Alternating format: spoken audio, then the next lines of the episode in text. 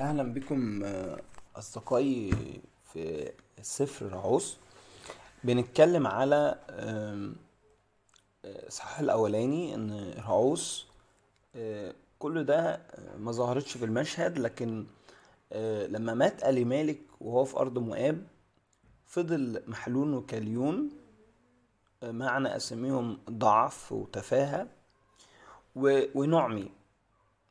في أرض مؤاب واتجوزوا آه، واحد آه، اتجوز واحدة اسمها عرفة واحد اتجوز واحدة واحدة اسمها رعوف.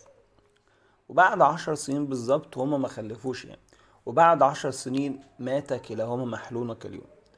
آه، يبقى ال- الأرض اللي هما كانوا رايحين فيها عشان يهربوا من المجاعة خوف من الموت. هما راحوا الموت. وده بيقول الفكرة اللي قالها أيوب الذي خفت منه قد جاء علي. كل ده آه، في حياة نعمي آه، نعمي آه، بتتصدم وبيجي لها مرارة من ربنا وبترمي كل اللوم على ربنا في كل ده. لكن في نقطة تغير المشهد يقول الكتاب إنه فقامت هي وكنتها ورجعت لبلاد من بلاد مؤاب لأنها سمعت في بلاد مؤاب أن الرب قد افتقد شعبه. هنا النقطة الأساسية أن الرب. وهي في أرض مؤاب آه، نعمي أكيد كلمت نفسها. أكيد كان في آه، جزء من حوارها مع ربنا. وبصت رغم إن هي في مؤاب. أكيد في أكل وشرب وكل حاجة لكن آه، آه، ابتدت ترجع لفكرة أنا أنا عايز أرجع للرب تاني. افتقد شعبه وهي فكرت في نفسها قالت أنا من شعب الله. إيه اللي يخليني أقعد في مؤاب؟ ودي آه، يعني خطة واستراتيجية لازم نعملها مع نفسنا نكلم نفسنا. ونحاول نشا... نتناقش مع نفسنا في الصح في, في, في وصايا الله. يعني نرجع للرب.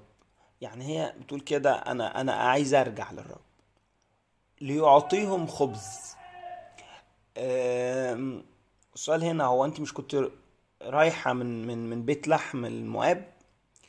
لكن نعمة الله بتخلي الافتقاد يتسمع حتى في بلاد مؤاب. يعني لو الله مش عايز يحرك قلب نعمي كانتش سمعت الكلام ده هناك وكمان ما كانتش اتحركت من هناك. يعني لوط آه، اتصدم في معركة عسكرية ومع ذلك كمل في سدوم وعمورة يقول الكتاب في عدد سبع وخرجت من المكان الذي كانت فيه وكنتها معها وسرنا في الطريق للرجوع لأرض يهوذا لغاية هنا بنلاقي إن عرفة ورعوز بيعملوا التقاليد الاجتماعية ما بيتخلوش عن حماتهم اللي هي نعمي وبيقول الكتاب إنه يعني كانوا جادين جدا يعني.